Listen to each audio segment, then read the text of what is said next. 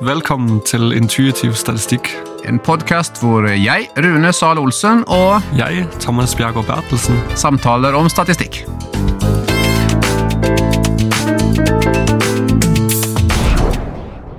I dag skal vi snakke om, eh, videre om inferens og det å trekke slutninger. Vi skal se på hva korrelasjon og samvariasjon egentlig er for noe, og hvilke slutninger man kan og ikke kan trekke ut fra slike analyser.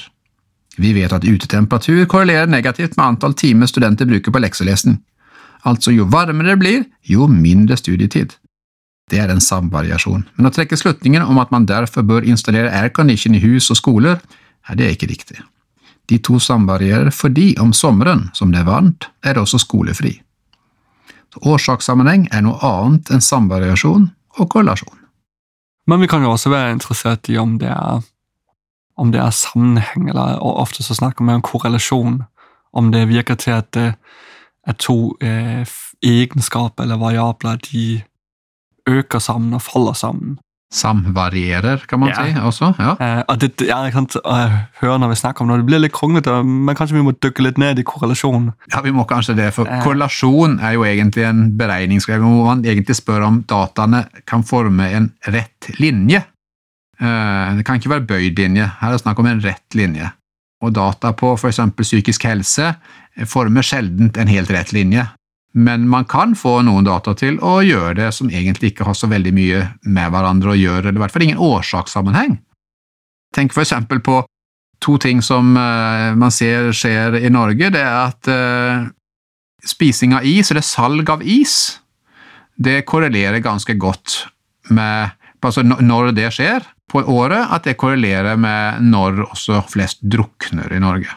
Så er det jo ikke sånn at folk drukner i is, de drukner i vann, uh -huh. og, og, og de fleste drukner eh, om sommeren. For da bader man mest. Da bader man mest og er ute i båt. Eh, På vinteren så er det få som spiser is, for det er kaldt, så da kjøper man ikke så mye is. Og man er heller ikke i båt, nei. Men da kunne man trekke en slutning. Ja, det korrelerer veldig mye. Og så kunne man tenkt ja, men da er det jo is som har noe med dette å gjøre. Men det er det ikke. Nei, jeg tenker det, det er et godt eksempel på at korrelasjon betyr jo egentlig bare sånn som du sier, om danner det en rett linje. Er det sånn at når det ene går opp, så går det andre opp, og når det ene går ned, så går det andre ned? Det har ikke noe å si i forhold til årsak, men det kan allikevel være interessant for å eh, lure på eh, om, om ting går opp og ned sammen. Kan jo danne grunnlag for senere å forske på årsaker. Men, men så er det en annen liten tricky ting med korrelasjon. Det er jo at eh, siden det er snakk om en lin, linje og lineær sammenheng, det er ikke alt som har en lineær sammenheng. Nei, ikke sant? Du kan jo ha ting som, som virkelig har en sammenheng, men som ikke har noen korrelasjon. Altså For eksempel så kan man tenke sånn klinisk eh, tid du bruker sammen med foreldrene dine og, og din eh, psykisk helse. altså at eh, Veldig mange opplever det som ikke sant? jo mer tid du har mulighet for å tilbringe med foreldrene, desto bedre. Opp til et visst punkt. ikke sant? At, Hvis det er sånn at dine foreldre aldri vil la deg være i fred, du får ikke lov å være på rommet alene, du får ikke lov å gå på do alene, det er, det er jo definitivt noe som mange vil kjenne på at dette er ikke gøy. Men, men der virker, ikke sant, der er det jo en, eh, en sånn kurve som på en måte bøyer at opp til et visst punkt er det bra å tilbringe tid med foreldrene. Men etter det punkt så er det faktisk negativt å tilbringe mer tid. Ja. Så det er definitivt en sammenheng med hvor mye tid man har sammen med foreldrene. Men det er en sånn eh, bøyd kurve, generelt strek. Eller en annen bøyd kurve, for et hverdagslig eksempel, når man skal snakke om is. Ja, du vil ha, kanskje føle velvære når du spiser én is, og kanskje deilig å ha to. Eh, tre store iser, da begynner du kanskje å bikke litt over at du ikke er sikker, du er, begynner å bli litt småkvalm. Spiller fire eller fem is, da er det ikke sånn. Så da går det opp til en viss kurve, og så ned igjen. Og da ville korrelasjonen kunne ha slått ut på at det er ingen sammenheng, på en måte, mens det virkelig er en sammenheng mellom disse to tingene. Så korrelasjon handler om rett linje, og at de varierer sammen. Så det er noe man kan ta en, eh, trekke slutning om.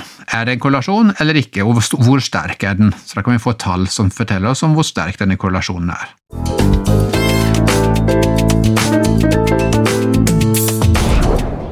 Vi har snakket om korrelasjon, hva det er og hva det ikke er. Nå skal vi snakke om hvordan type data og antall variabler påvirker hvilke slutninger vi kan trekke.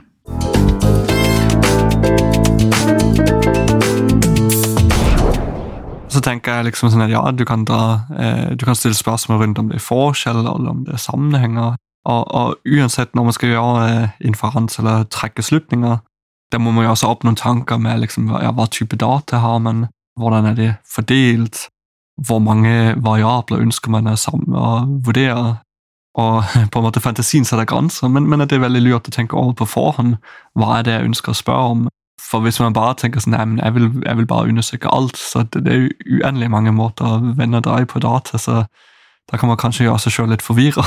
Ja, hvis man stopper sammen alle, alle, de mulige måletingene som man har, ja, mm. inn i en greie for å trekke en slutning, så kan det bli vanskelig å rett og slett trekke en slutning. Så det er viktig å tenke gjennom. Og definitivt åssen type data. Og det har også litt eh, om det tekniske å gjøre.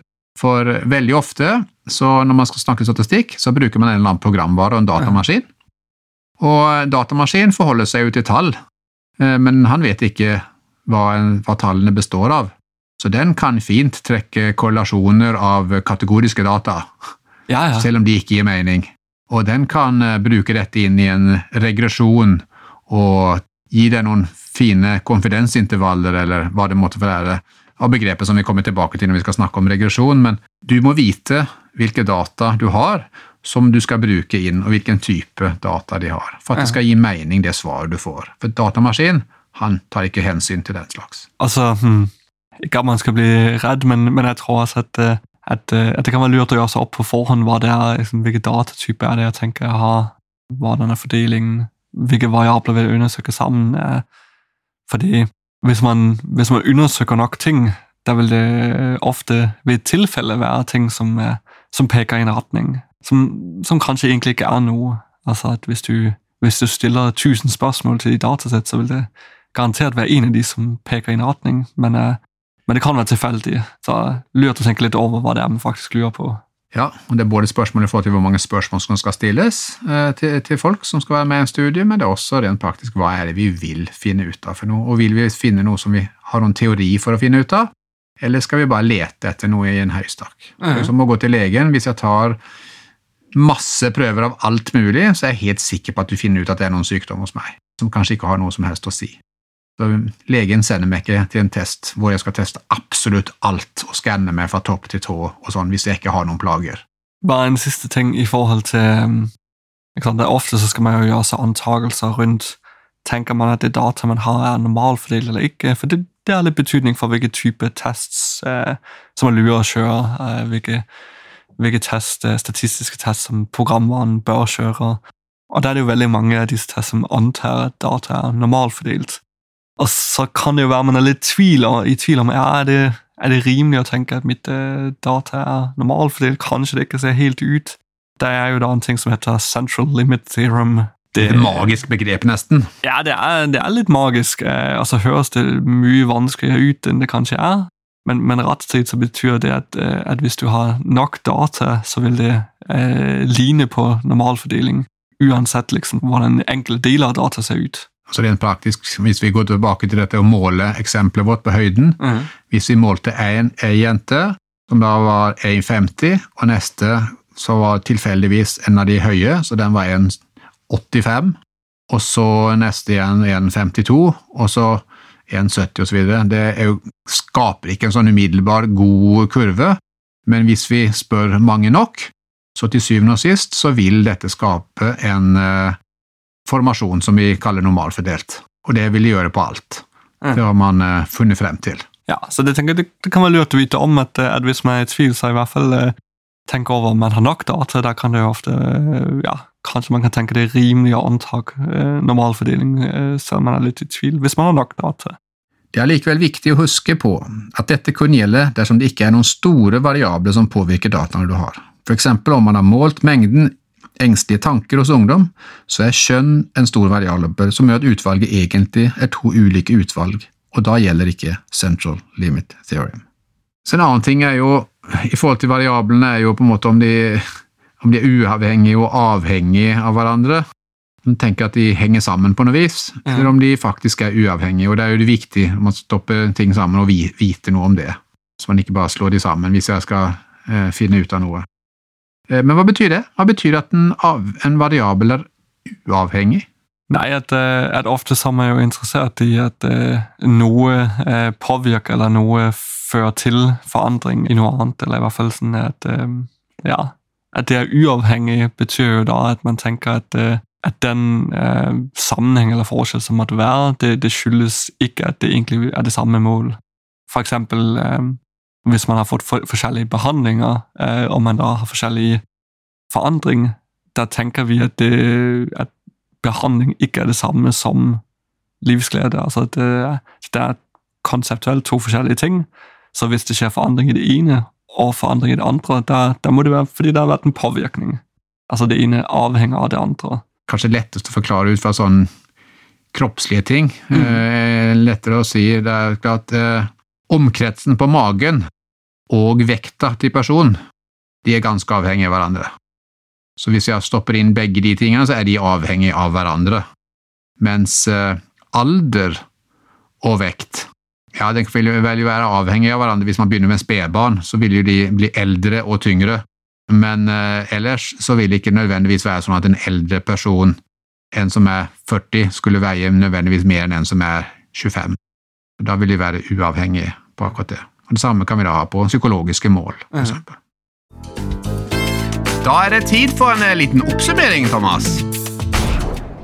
Så i dag har vi jo snakket litt rundt uh, sammenheng og, og spilt uh, korrelasjon, og hvorfor det ikke er helt det samme som sammenheng, men det likevel sier noe omkring hvordan ting går opp og ned sammen. Altså, der kommer vi jo med eksempler med, med is og drukneulykker. Det betyr ikke at det er en sammenheng, men likevel stiger og faller sammen. Så kommer vi med eksempler der det virkelig er en sammenheng, men det ikke er noen korrelasjon. Altså hvis det er en sånn bøyd kurve så snakker vi også litt om viktigheten av å gjøre seg opp tanker om hvilke type variabler du har, fordeling av de, hvilke type analyse du skal gjøre. Eh, litt ut fra at, eh, at statistikkprogramvarene de hjelper deg ikke med å ta de beslutningene, dem, dem må du gjøre det opp sjøl.